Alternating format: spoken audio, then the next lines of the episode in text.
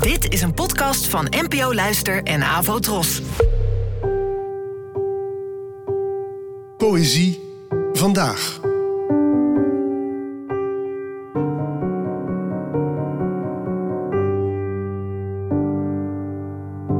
Hallo, dankjewel dat je luistert. Vandaag een kort gedicht van Ida Gerhard. Die werd geboren in 1905 en in 1997 overleed. Zomeravond. Langzaam over het land, in de avond, de trompet van de andere boerderij. Het praten op de bank sterft uit.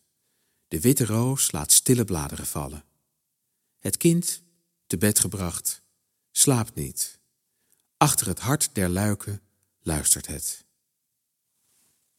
Poëzie is, net als liefde en fijn stof, overal om ons heen. Statistisch gezien is de concentratie van Ida Gerhard in de openbare ruimte het hoogst van alle dichters in Nederland. Op de website straatpoëzie.nl, waarop duizenden gedichten in de openbare ruimte te vinden zijn, staat er poëzie al jaren met stip op nummer 1 van de meest gebruikte verzen om op muren, ramen, stenen en andere objecten waar je gedichten op moet aanbrengen. Als je een gedicht als Zomeravond leest, snap je ook meteen waarom dat zo is.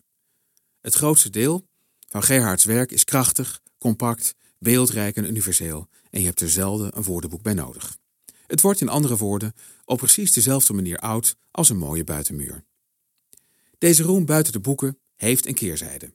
Sommige gedichten van Ida Gerhard zijn wel vier keer in het land te vinden, in verschillende versies, omdat er geregeld foutjes worden gemaakt in de tekst en soms gewoon regels worden weggelaten, uit luiheid of omdat het even niet lekker uitkwam op die muur.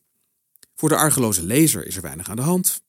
Voor dichters is dat gefreewheel met hun poëzie zo ongeveer de achtste hoofdzonde.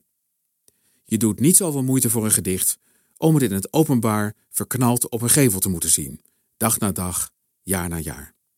Dichters van Nederland, om mijn moeder maar eens te parafraseren, gekken en dwazen, schrijven uw werken op muren en glazen. Bedankt voor het luisteren en tot de volgende keer. Afro de omroep voor ons.